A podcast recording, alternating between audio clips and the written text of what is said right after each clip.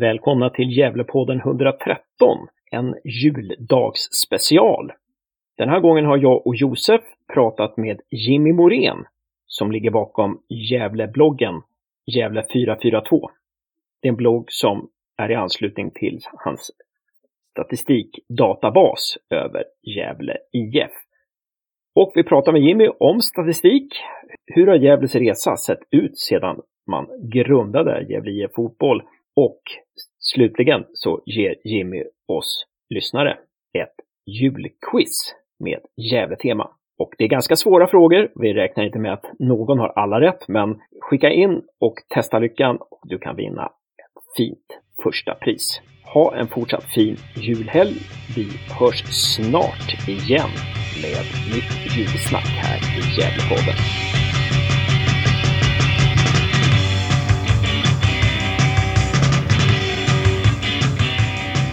Välkomna till Gävlepodden. Idag så är jag tillbaka från Växjö och sitter hemma i Gävle och gör den här med Hasse. Vi har kört den här podden nu sedan 4 april 2017. Minst en gång i veckan och vårt mål är att fortsätta även under julledigheten. Idag har vi med Jimmy Morén som gäst. Yes, tack. Otroligt kul att komma här. Hur är det med dig Jimmy? Det är bara fint. Kul att vara med. Det var väldigt länge sedan du var med. Jag tror inte du har varit med i den här nystarten va? Utan det var när vi gjorde podden med Backlund och Ridell där så var du med senast va? Ja, precis. det, den har fått en uppfräschning den här podden kan man säga. Ja, tack ska du ha. Vi, jag lärde mig väldigt mycket under, under Backlund och Ridell där och lite andra poddar som jag gjorde. Så jag har gjort ganska många misstag så jag, förhoppningsvis har jag kunnat eliminera de flesta misstagen i den här podden. Och eh, den här blir förhoppningsvis bättre och bättre också. Men jättekul att du är med här Jimmy och kanske mest känd i Gävlekretsar som mannen bakom Gävle 442-bloggen. Skulle du hålla med om det? Eh, ja, det är kanske så. Jag har inte hållit igång den så mycket senaste åren kan man väl säga. Jag började väl med den eh, för ungefär 8-9 år sedan någon gång. Och var ganska aktiv där i början. Eh, men Eh, nu har jag fått barn och eh, jobb som tar mycket tid så att, eh, jag har inte liksom hunnits med. Men jag uppdaterar fortfarande bloggen och eh, databasen. Så att, eh, jag håller i alla fall efter men jag har inte gjort så mycket djupdykningar historiskt som jag gjorde tidigare. Och inte varit på KB så tillbringar man mycket tid på Kungliga biblioteket och samla in data. Det har jag inte gjort på de senaste åren. Men den här databasen du har som du, där du samlar in statistik över Gävle IFs historia, det måste väl vara den största databasen. Du måste väl sitta med flest uppgifter samlat om Gävle IF eh, av alla i hela världen? Ja, det finns ingen större om Gävle IF, men däremot finns det andra klubbar som har större. Men eh, AIKs databas är väl den största bland klubbar. Eh, sen finns det några som är rätt bra också. Eh, men jag undrar om inte Gävle 442 är den näst största i Sverige om man ser till eh, fotbollsklubbar. Det är ju suveränt. Josef, har du använt dig någonting av eh, databasen eller har du kommit in på 442-bloggen någon gång? Jag eh, var med i den här gamla Facebookgruppen eh, som fanns för några år sedan, Gävle 442. Då det uppdaterades inför varje match om statistik mot laget vi mötte. Eh, och så vidare. Eh, så jag, alltså, jag vet ju vad det är, jag har kollat in det, men det är inte så att jag har använt mig av det så specifikt. Eh, däremot har jag fått svar på några frågor av Jim tidigare. Men eh, jag säger inte på vad, för det kan återkomma senare i podden. Just det. Om vi ska ta och återvända då till den här Gävle 442-bloggen och eh, om vi ska återvända till eh, databasen här är det någonting som du är extra stolt över Jimmy som du har lagt in i databasen under senare år? Någonting som du har hittat sådär?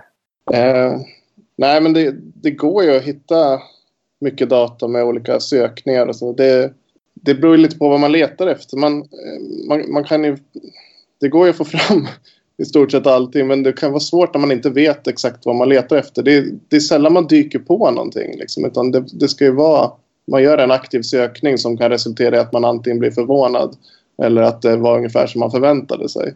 Så jag kommer inte på något på rak arm som jag har stött på sådär nu. Men eh, ibland får man ju specifika frågor. Det, Gävlefansen är väldigt engagerade i statistik och historia och det, det trillar in frågor nästan varje vecka fortfarande. Eh, och det kan vara specifika saker då hur, hur går det för Gävle när den och den spelaren är på planen? Alltså, den typen av frågor så, som man aldrig skulle få för sig att söka på om man inte fick frågan. Så Just det. Sen har vi också damerna som har blivit en del av Gävle IF under senare år. Som jag förstår det sedan IFK Gävle la ner sin damverksamhet och så har, så har den gått upp i Gävle IF. Jag hoppas att jag har rätt där. Hur är det där? Eh, samlar du in statistik över damernas matcher och sådana här saker också? Nej, jag har bara statistik över eh, eh herrlagets A-lagsmatcher. Så jag har ingenting från deras B-lagsmatcher eller juniormatcher utan det är bara herrlagets A-lagsmatcher. Och så finns det en separat databas med eh, register över alla, alla spelare som har tillhört A-lagstruppen. Och där finns det ju spelare som aldrig har spelat någon A-lagsmatch men som bara spelat i B-laget. Ingenting på damerna. Funderar du på att starta upp? Ja, det, är mycket, det är mycket man skulle vilja göra såklart. Men eh, just nu har jag inte tid. Jag hinner inte ens underhålla... Eh, eller liksom, jag underhåller väl Gävle-databasen men jag hinner inte jag hinner inte göra det jag skulle vilja göra. Man skulle vilja göra en app av det till exempel och, så att den blev sökbar för alla. Men, eh, så det, det, är mycket man skulle vilja göra. Men jag har ju tänkt på Brynäs Hockey också. Där finns det ett enormt engagemang bland supportrar som man skulle kunna göra på samma sätt med samma uppbyggnad. Liksom. Du, vi har, vi har, kommunicerat lite och du tyckte avsnittet eh, som handlade om statistik när jag var nere i Stockholm och pratade med eh, Ola och Jocke ifrån Playmaker.ai. Eh, det avsnittet tyckte du var ganska spännande, eller? Ja, det var verkligen spännande. Jag kände faktiskt inte till det här. Jag hade aldrig talat om det. Och jag har ju märkt att Simon har börjat använda det här expected goals men jag, jag, visste faktiskt inte att det var så omfattande. Men det visar ju att det finns liksom ett behov av statistik. Det, alltså det är jätteintressant med eh, statistik, siffror, fakta, hur det kommer in i fotbollen nu. Att eh, det, så, det, finns så mycket pengar inom fotbollen att eh, det, blir, det börjar nästan bli vetenskapligt hur man ser på fotboll. Även om det är extremt komplext spel med eh, en massa olika parametrar och faktorer så försöker man ändå eh, liksom göra det vetenskapligt på något vis genom att få fram siffror och fakta och statistik. Jag tyckte det var intressant att klubbarna anlitar dem för att eh, kunna få fram fakta om deras egna spelare. Liksom. För det blir ju verkligen då, jag menar som, som Ola och Jocke som har hjälpt, hjälpt Östersund en hel del med scouting eh, under Graham Potters eh, tid där. Ja, det visar ju sig att den här statistik-scoutingen är ju objektiv om man jämför med, eh, då, då slipper klubbarna vara i händerna på agenter som har en subjektiv agenda. Det tycker jag är ganska intressant. Ja, det är liksom, statistik är ju jättesvårt. Alltså att, eh, eh, man, man måste verkligen förstå vad siffrorna säger för någonting. Det finns ju det här uttrycket som alla känner till att det, det är lögn, förbannad lögn och statistik. Som alla pratar om att det, det, man kan visa vad som helst med statistik och sådana saker. Men det, jag, jag tycker det, dels är det uttrycket lite missvisande eftersom det, eh, det säger egentligen att statistik är värre än lögn eller ungefär så. Men det är ju aldrig, statistik är alltid, den är alltid helt korrekt. Mm. det, det gäller ju bara att förstå vad siffrorna säger. Det är tolkningen av statistiken som kan vara en lögn. Men eh, så, så statistik är jättesvårt. Men det, det, går ju att visa väldigt många olika saker. Man måste förstå, man måste tolka det på rätt sätt. Och, och de, de frågor man ställer om man är ute efter att man, kan ju ställa negativa frågor. Var klarade sig Gävle sämst här? Och då får man statistik på det. Men man kan ju också kolla vilka siffror visar att Gävle gjorde en bra säsong. vilka, vilka styrkor fanns det i Gävles spel trots allt? Eh, så det beror ju på lite hur man frågar också. Ja, ja verkligen. Men om vi skulle ta och då Eh, ja, vi kan vi också säga att du har en, har en historik inom Gävle IF, Jimmy. Du har ju spelat i, du har ju haft Pelle Olsson och Thomas Andersson som tränare nu när du, när du var, tillhörde akademin inom Gävle IF, va? Ja, det stämmer. Jag var, det fanns väl ingen akademi riktigt på den tiden, men eh, jag tillhörde juniorlaget och spelade väl där mellan, jag tror det var mellan att jag var 14 och 19.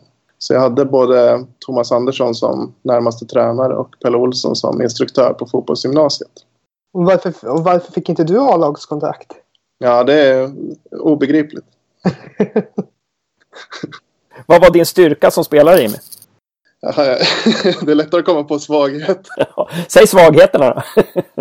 Nej, men jag, jag, jag, var väl lite egensinnig. Man tänker ju alltid, det är som någon kollega till mig sa häromdagen, att man, eh, alla vi gubbar i den här åldern nu, vi, vi var bara ett, eh, en skada ifrån att bli proffs. man känner lite så att eh, hade man haft den mentaliteten man har idag så hade man ju lyckats mycket bättre när man var 18 såklart. För att man var lite egensinnig. Jag tror att jag var lite, hade lite svårt att passa in i den här kostymen. Som GIF var ju väldigt disciplinerad. Det var ju Pelle Olssons eh, linje som gällde rakt ner i juniorledet också. Och man skulle eh, man var disciplinerad, hålla sig till sin roll och man kände ju precis till hur man skulle göra. Så det är liksom eh, det brände ju till i kroppen när man inte gjorde som man skulle. Man kände ju nästan så att man fick blickar i nacken när man inte gjorde som man skulle. Och jag var lite för egensinnig och tänkte att jag liksom visste bättre själv. Du var lite för kreativ för Gävle IFs gamla fotboll. Ja, nej men ja. Kanske liksom att jag tyckte att jag hade mina styrkor i andra saker än vad jag förväntades göra. Hörde du Suad Groda i podden här för några avsnitt sedan. Han var ju väldigt självkritisk. Kunde du känna igen dig i hans... Eh... Ja, ja men, ja, jag kände igen mig lite grann. Jag tror kanske att han kanske var lite mer... Eh, liksom visade kanske lite tydligare att han inte var nöjd och sådär. Det gjorde inte jag. Men, men lite grann så att man, man skulle ha övat mer på det som, som, som de eh, jobbade med. Liksom. Det var, jag var i forward då. Då, då jobbade man mycket med att man skulle spela felvänd eh, hålla upp backen. Liksom. Och ibland så kände man att man ville gå i djupled och sådär. egentligen så kanske inte det var läge för det just då. Utan man skulle, det var bättre att eh, hålla sig till de instruktionerna för det var bättre för laget. Lite sådana grejer. Men i det här avsnittet ska vi främst då inrikta oss på att använda oss av dina kunskaper när det gäller Gävles historik och statistik. Och eh, om vi skulle ta börja med att beskriva Gävle IFs resa genom serierna sedan ja, sen början av 1900 till exempel. Hur, hur skulle det se ut? Ja, precis. Eh, man kan väl säga att Gävle haft eh, fyra storhetsperioder sedan 1900-talet. Och den första är ju då på den, när klubben startades. Då. Man började eh, spela fotboll 1896 i Gävle, men den första matchen var ju 1898. och där har man då en period fram till 1902 kan man säga. Som eh, Gävle är kanske Sveriges bästa lag då. Möjligtvis tillsammans med Örgryte. Men Gävle och Örgryte möttes aldrig. Så man fick aldrig riktigt svar på vilket som var det bästa laget. Men det var ju Gävle och Örgryte som var de två dominanterna i svensk fotboll då fram till 1902. Och Gävle vann ju den här eh, Rosenska pokalen då. Som eh, var väl något slags motsvarande till SM med de få lag som fanns på den tiden. Det var ju AIK, Djurgården och Eskilstuna och något något mer lag. Men det var, då var ju Gävle fullständigt överlägsna kan man säga. Eh, sen, har, sen har man då nästa storhetsperiod som är den, den första allsvenska sessionen. När de går upp i allsvenskan 1933 så vinner de ju kvalet mot Norrköping och går upp i, i allsvenskan två säsonger. Hamnar ju på nedre halvan där, lyckas ju hänga kvar första säsongen genom att Malmö FF blev diskvalificerade. Så Gävle fick en plats i högsta serien även eh, säsongen 34-35. Sen har man den tredje storhetsperioden, då, om man nu ska räkna den. Men det var ju då Gävle hade ett väldigt bra lag och var väldigt nära att gå upp i allsvenskan 1965. När man hade Sigge Parling som tränare. Det laget eh, hade ju kanske kunnat etablera sig i allsvenskan om man hade vunnit det, det kvalet däremot. Vilka, kvala, vilka kvalade man mot då? Var det Öster då? Eller? Jag tror att det kanske var Öster. Jag har inte det framför så det, och det laget var ju bra. Det det kan man nog fråga den äldre generationen som kommer ihåg det där. Då hade de ett riktigt bra lag. Eh, sen har man en period när de går upp i allsvenskan igen där med Stefan Lundin som ung tränare när de tar upp dem i allsvenskan. Eh, 1982 går de upp och spelar två säsonger, 83-84 i allsvenskan. Och så den fjärde gyllene eran då, det var ju naturligtvis den som påbörjades med att man gick upp 2004 och stannar i Allsvenskan i 12 säsonger. Så det är överlägset bästa perioden i Gävles historia. Så det är väl de eh, fyra topparna som finns. Liksom, eh, där Gävle har ju som bäst varit Sveriges nionde bästa lag. Det är det högsta placering man har haft. Och det var 2011 tror jag va? Ja, precis. Just det. 2011. De har aldrig varit på över halvan under alla sina tre allsvenska sessioner. Nej, precis. De har ju aldrig varit på över halvan. Nej. Hur många gånger har GIF, nu ligger man ju i den tredje högsta serien. Hur många gånger har man legat så lågt? Har man legat i den fjärde högsta serien någon gång? Ja, det har man också gjort faktiskt. Man har legat i den fjärde högsta serien eh, i ett fem, sex år totalt. Framförallt under andra världskriget, den, den perioden. Eh, och så var man nere en sväng också på 50-talet. Så att man har legat i fjärde, på nivå fyra så att säga. Nivå tre har man legat väldigt många år på. Man hade en period under 60 och 70-talet där man eh, gick mellan andra nivån och tredje nivån. Som då hette division 2 och division 3. Ja, I stort sett varje år var de uppe och nere. Så att de var ett lindansarlag under stora delar av 60 och 70-talet. Uh, har du det på rak arm förresten? Men vet du vilken serie Gävle har legat mest i? Mm. Ja, men det är ju den näst högsta serien som Gävle legat flest år i. Alltså den som är nivå, vi pratar om nivå, nivå två då. Den har ju hetat olika saker genom åren men den som är näst högsta nivån. Den som idag är kallad Superettan? Ja, precis. Den har ju hetat division 1 och division 2 eh, tidigare. Men sen Stefan Lundin tog över där och blev den yngste tränaren i Allsvenskan. Jag vet inte om han, var, om han var den yngste tränare genom tiderna i Allsvenskan då, när han tog upp GIF, eller? Eh, det vet jag inte, men det kanske han var. Han var, ju, han var väl... Han var inte 30 fyllda, tror jag inte.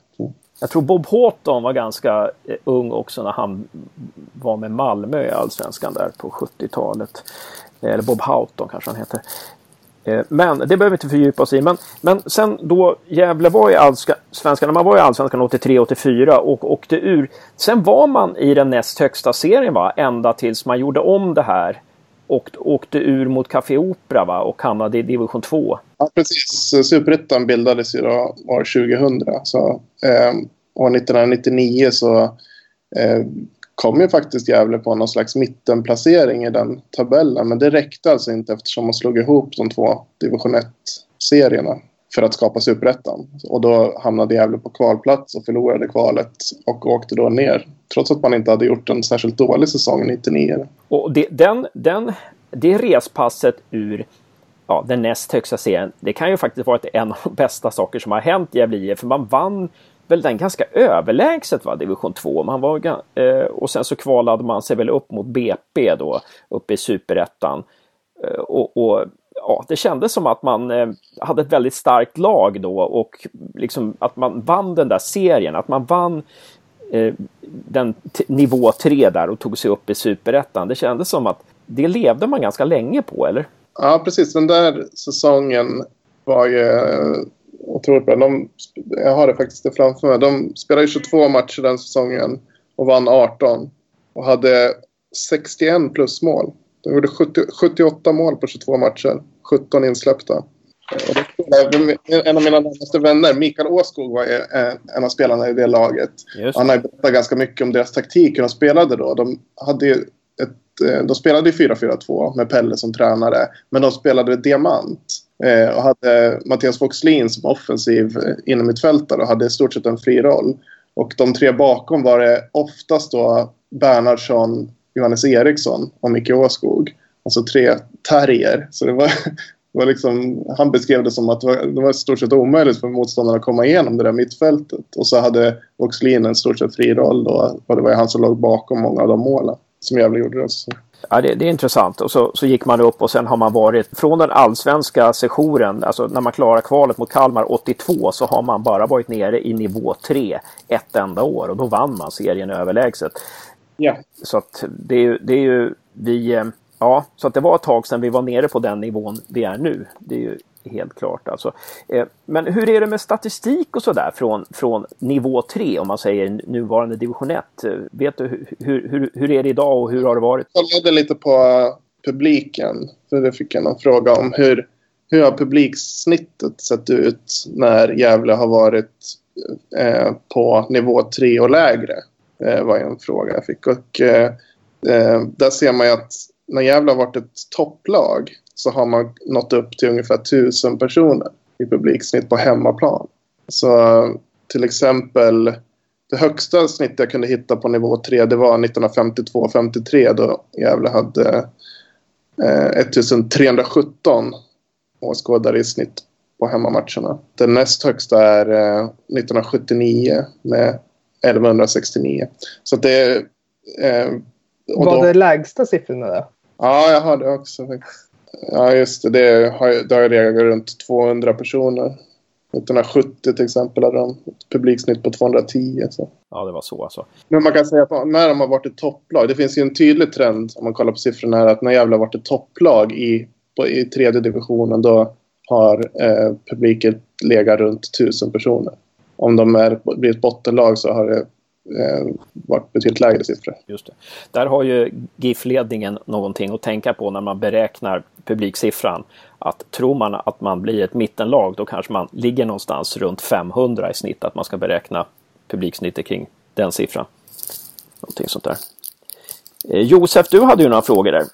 Ja, och jag fick ju svar på en av dem nu. Det var ju eh, publiken. Och eh, kan gå över till den andra om pratar lite positiva saker. Är väl att jag undrar hur många år Gävle haft positiv målskillnad under historien? Jag hur många år eh, har jag inte kollat på, men jag har kollat på... Ja, hur många säsonger? Eller? Nej, jag, jag har faktiskt inte den siffran, men jag har eh, de säsonger där de har haft bäst plusmål. Eh, den siffran fick jag fram och det är 1979. Nej, jo, 1979 är den säsong de har haft flest plusmål en säsong. Det var, det var Gävle-Brynäs då. Eh, då hade man 65 plusmål. Det är det högsta.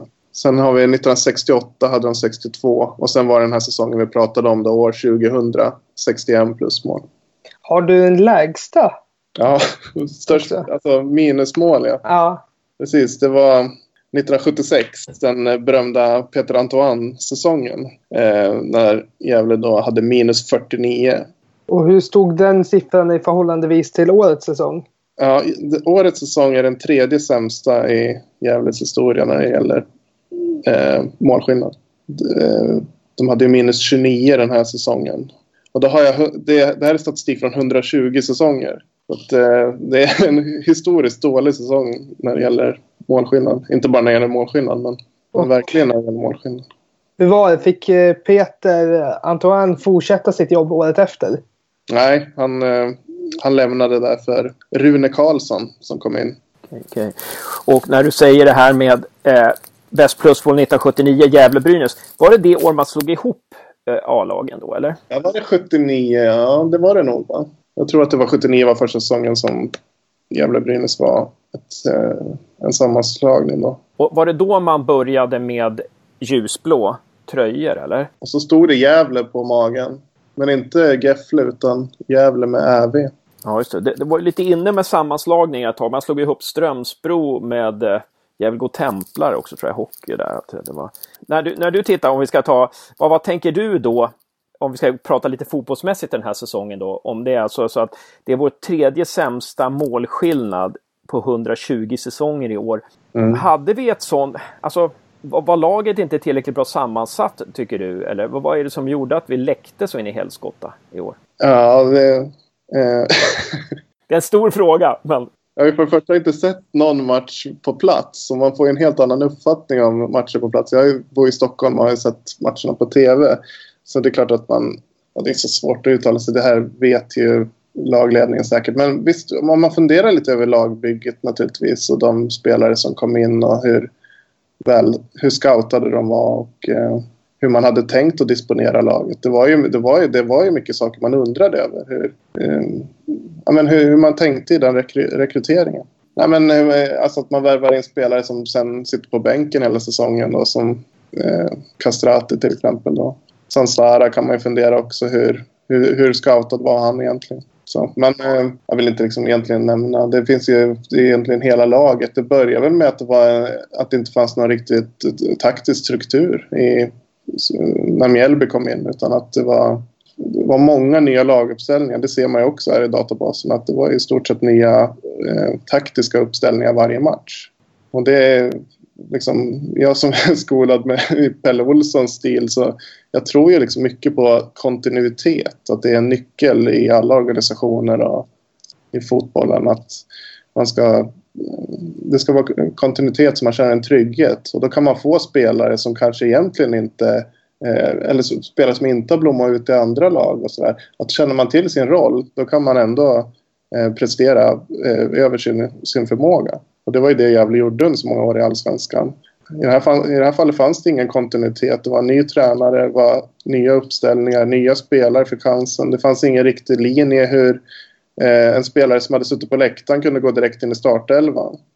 Och hur, vad hände då i gruppen? Vad, vad säger till exempel eh, hur känner man på bänken? Om man har suttit på bänken då kanske man känner att ja, om jag jobbar på lite så har jag chans att komma in, bli inbytt eller få starta nästa match. Men så kommer det in en spelare från läktaren och går direkt in i startelvan. Det, eh, liksom, det var många sådana signaler som man bara undrade hur... Lite sånt. Men det är sånt man ser utifrån. Man kanske har en annan bild inne, till, inne, inne i klubben. Liksom. Mm. Eh, det, är, ju intressant det här med, med Pelle. Alltså för att jag, ja, jag, man kunde ju vara rätt negativ när det gällde Pelle. Här, ska Bernhardsson, eller vi, vi var rätt många som stod här. Ska Bernhardsson verkligen fortsätta? Men sen när Bernhardsson la av upptäckte man ju hur himla viktig han var. Så att eh, det där med ja, kontinuitet är ju verkligen en, en nyckel. Alltså, och Gern som, som inte gjorde mål på hur länge som helst och Micke Dahlberg som inte gjorde mål. Men de fick ju fortsatt, fortsatt förtroende och till slut så hände det ju grejer. Så att, eh, ja, ja. Så man känner till att veta exakt vad man ska göra på planen och så få chansen om och om igen. Eh, till slut så får man ju ut det här, det, det man vill. Eh, och det var ju det som Pelle, Pelle var ju extremt skicklig på det. Det får man säga, det är inte alla tränare som hade haft det tålamodet. De var ju lite tvungna att ha det tålamodet får man väl säga också med tanke på att de inte hade samma bredd i truppen som många andra lag. Men, eh, men ändå att han fortsatte och jobbade på på det viset. Och det var ju det som behövdes i det här läget då när Gävle åkte ur och bytte tränare. Och eh, då behövde man få in en stabil organisation Eh, där man jobbar på sikt. Så att, eh, och det, eh, ja, det här var väl liksom ett tydligt sådant exempel. Och det tycker jag också är viktigt med, när man tänker på hur supportrar är. Liksom, att man hela tiden vill ha förändringar. Liksom. Ja, gick det dåligt några matcher? Vi måste ha, in en, vi måste ha en ny spelare, vi måste ha nya tränare. Så här. Men egentligen så handlar det om att jobba med kontinuiteten. För att eh, det, är då, det är så man får resultat. Så man, man måste ha lite is i magen där. Och det kanske är det som GIF är på väg nu då, att man behåller Mackan, man bygger utifrån egna spelare, lokala spelare. Eh, kan det ja, tolkar jag det som att man tänker rätt nu? Ja, jag, jag tror att det är bra. Man, Stisse var inne på det i något avsnitt som ni körde att eh, man måste få in någon med lite erfarenhet också. Eh, det krävs ju en mix såklart. Eh, det blir för tungt ansvar för många av de unga spelarna.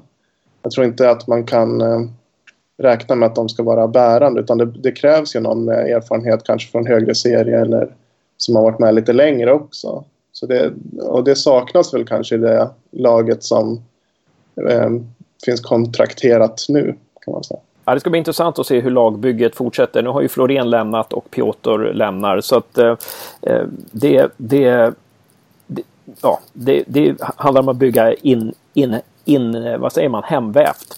Men om vi, Josef, du hade några fler frågor där va? Vi tar den här då. Uh, vad Gävle hade för topprekord och bottenrekord när det gäller placering, poäng, gjorda mål och insläppta mål. Ja, just det. det var, var, det var många frågor. Men det, jag, det man kan se är att Gävle hade ju en period och framförallt på 40-talet eh, där man var väldigt långt ner. Och den lägsta placering som jag har hittat eh, var plats 274 i Sverige. Så rankat som lag 274. Borde kunna se vilket år det var också.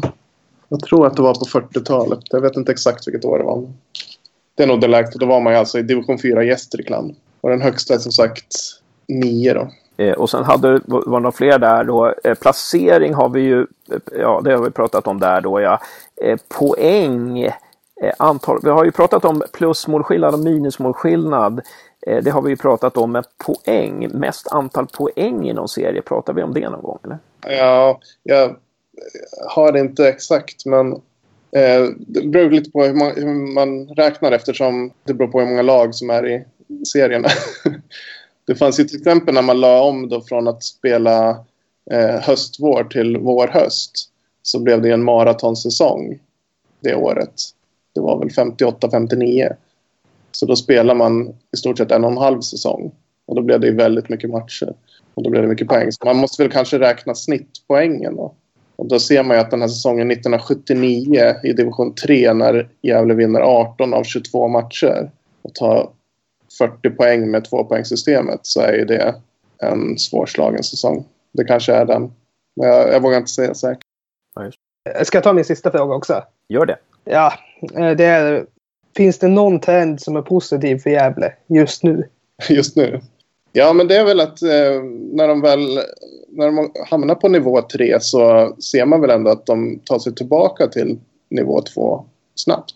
Det finns, eh, ja, vi måste ju tillbaka till 40-talet för att hitta en sån här riktigt djup svacka. Annars har ju Gävle vid flera tillfällen ner på tredje nivån och sen tagit sig tillbaka ganska snabbt till andra nivån. Nu, nu var det någon som eh, ramlade där. Någon, eh... Ja, det var lite skit för mitt skrivbord. Ber om ursäkt. Vad jävligt ra rasa ur serien. vi, vi, illustrerar, här i podden brukar vi illustrera det med, med ljudeffekter när vi, när vi eh, pratar om något som berör oss. Ja, men det, var ju, det var ju positivt, alltså att en, någonting, en, en positiv trend skulle kunna för Gävle vara, liksom någonting, om vi ska ta hjälp av statistiken, historiken, så är det ju så att Gävle då när vi hamnar på nivå 3 så brukar vi inte stanna där så länge. Det kan ju vara positivt för David och Malin och Mackan och allihopa kring A-laget. Vad är snitttiden som vi brukar ligga i division 3? Uh, ja... Nu fick du en riktigt tuffing här. Ja, jag ber om ursäkt. Så kan man säga att de ligger en säsong i division 3. Och eh, i de flesta fall så går man upp då i division 2. Och i några fall då på, när man riktigt långt tillbaka så har man ju åkt ur division 3 också. Men det är väldigt korta sessioner i den tredje, på den tredje nivån. Så lite om, man, om man kollar på andra nivån, den superettan och division 1, och så har man ju haft en kontinuitet där under väldigt lång tid. Man kan ha legat eh, väldigt många säsonger i rad på den nivån. Men eh, i division 3 så hittar jag knappt ett enda exempel där man har spelat på den nivån två år i rad. Jag tror det bara finns ett par sådana exempel i historien. Så det innebär att antingen går vi upp i år eller så åker vi ur i år? Ja, och oftast är det ju att man går upp. Ja, Hasse, hade du några frågor? Eh, ja, vi ska ju komma till det här eh, lite julnötter här nu då, för, för lyssnarna att eh, klura med och, eh, och vinna saker och ting. Men jag tänkte på någonting här då i anslutning till det där. Så tänkte jag, jo men jag tänkte så här att det, det, här är ju inte statistik utan det här blir bara tyckande. Jag vet inte vad, vad Jimmy och Josef vad ni säger om det här men det man ser under de senaste, det senaste decenniet så är det ju ganska hårt kopplat till ekonomi om en klubb eh, tar kliv uppåt. Eh, jag menar när Östersund, Östersund eh, ja, fick, hade ju liksom, fick ju ekonomiska resurser. Sen på vilket sätt de fick dem, det kan vi ju diskutera. Men Dalkurd hade en, en stor finansiär i bakgrunden. Sirius när de har gått upp här hade ju en, en finansiär som pumpade in 50 miljoner under fem år. Är det här är det här en trend som vi ser nu eller har det, här varit, har det varit så här förut också? Eller är det en trend överhuvudtaget? Jag tänker lite snabbt att vi går ju emot den trenden i sådana fall.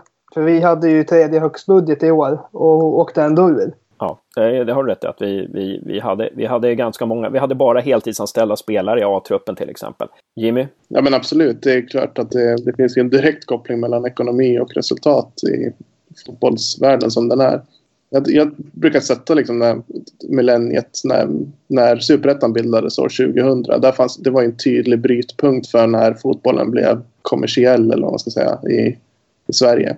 Eh, så fram till dess så var man ju inte proffs liksom. Men, men där började det ju sakta bli så. Det var superettan var en tydlig brytpunkt för det. Sen har det eskalerat något enormt eh, senaste åren. Speciellt på liksom internationella arenan. Men, men eh, ja, absolut, det är en direkt koppling mellan ekonomi och vilken division man spelar i. Precis, och där, där har vi ju lite tufft med Brynäs som är flaggskeppet i, i den här lilla staden eh, trots allt då. Men å andra sidan är fotbollen världens största sport och ishockeyn har ju problem att eh, ja, det, det, känns ju som ishockeyn i mångt och mycket har, har de kan inte dra in mer pengar än de drar in nu. Man får ju ingenting från NHL och så vidare.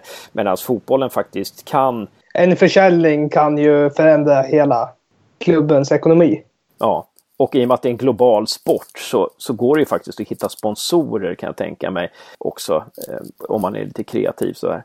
Då ska vi snart närma oss det här quizet som lyssnarna ska få göra. Julquizet, Gävlepoddens julquiz med Jimmy Morén. Men eh, innan vi börjar med det här quizet nu Jimmy så tänkte jag att jag skulle testa dig på dina kunskaper. För nu lämnar ju Jonas Lant och Gävle IF då som det alla vet och eh, jag har tänkt lite på hans statistik.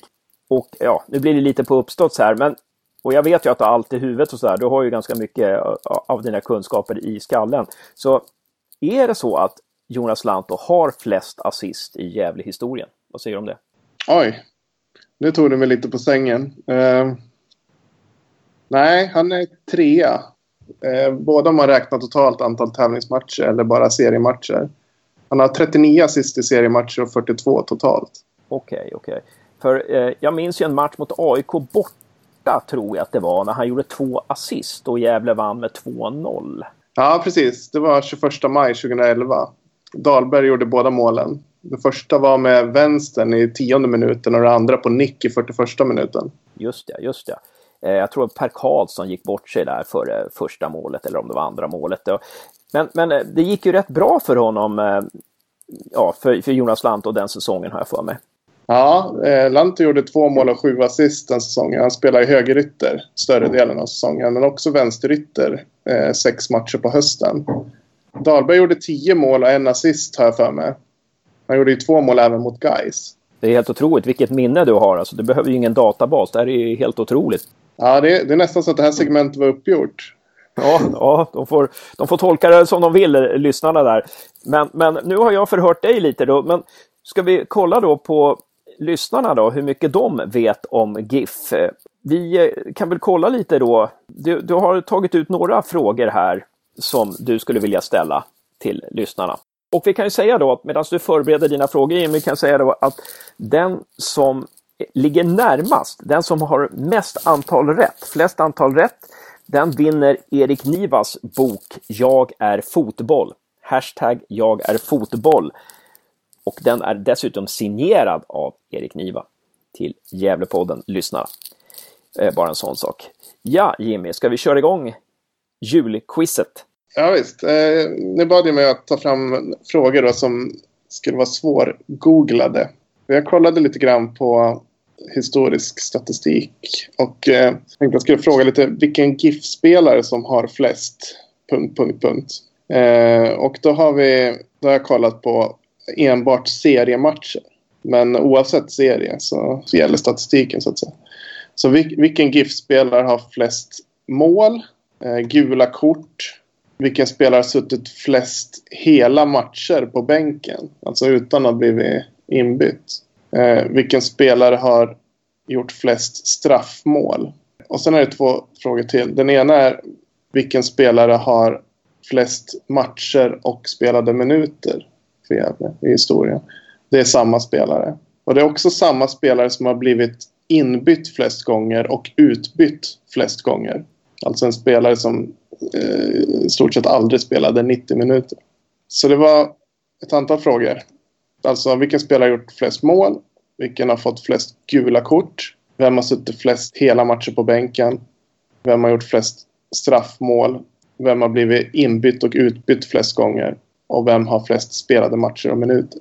Jättebra, så det är sex stycken namn där. Sex stycken Gävle IF namn på spelare där som vi söker och det kan ju vara så jag har inte svaren på de här, det kan jag säga till lyssnarna direkt. Jag har inte svaren, men det kan ju vara så här att något av de här namnen återkommer, ett svar, ett namn återkommer som svar på en annan fråga. Men som sagt, det vet inte jag. Utan det, det behöver inte Jimmy säga heller. Men, men det är alltså sex stycken namn på sex stycken GIF-spelare som vi vill ha.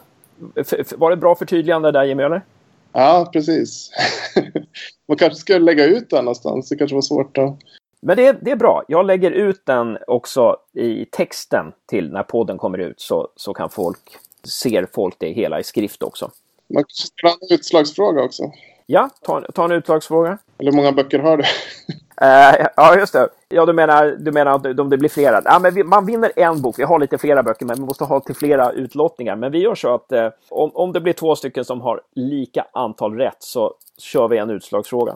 Ja, precis. Då skulle man ju då kunna tänka sig att man efter de här, det här namnet då som man anger som svar anger siffran också. Så man anger hur många mål, hur många gula kort spelaren har fått och så vidare.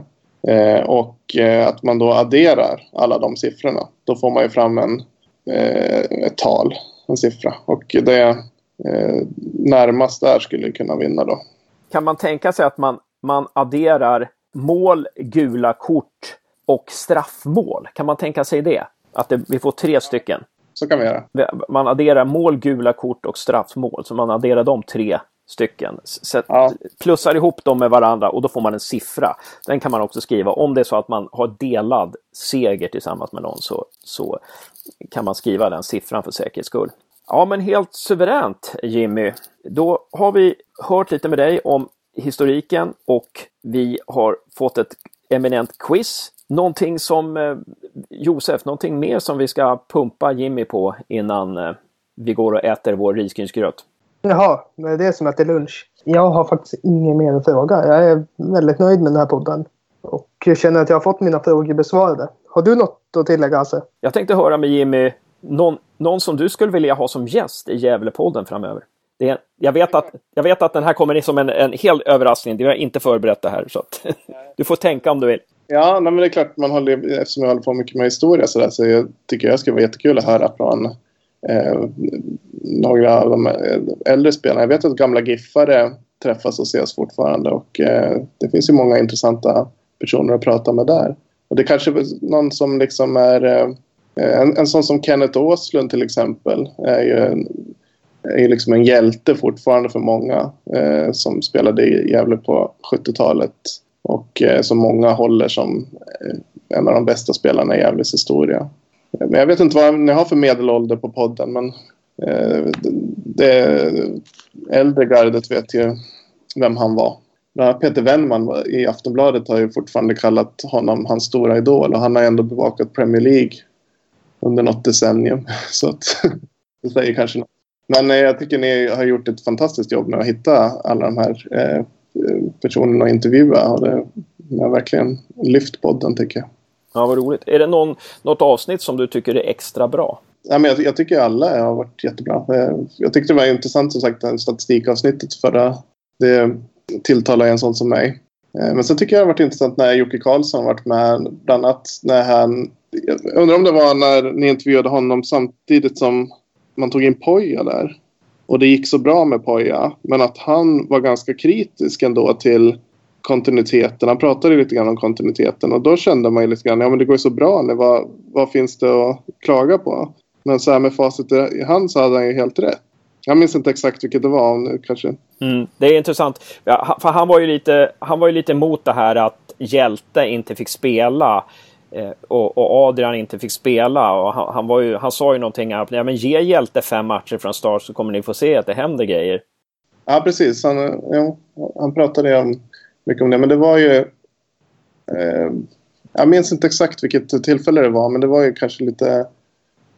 Det var, det var ju ändå då när det gick bra för klubben. Så det kändes ju lite förvånande att han eh, uttryckte så. Men det var intressant tycker jag att eh, man ska komma ihåg det även i medgång. Att liksom kontinuitet i en klubb och en organisation är, är nyckeln för att det ska gå bra på sikt. Det, det är lättare att tänka på i motgång. Precis, att det är när det är medgång som man egentligen som man ska förbereda och ta steget till nästa nivå. Ja, ja men helt suveränt. Tack så väldigt mycket Jimmy Morén för att du var med i Gävlepodden. Ja, tack så jättemycket för att jag fick med. Det var kul. Hoppas det blir många fler gånger i den här versionen av Gävlepodden också i framtiden. Ja, gärna. Och tack Josef för att du var med. Ja, tack själv Hasse. Hoppas vi på att det blir något helt annat än risgrynsgröt till lunch.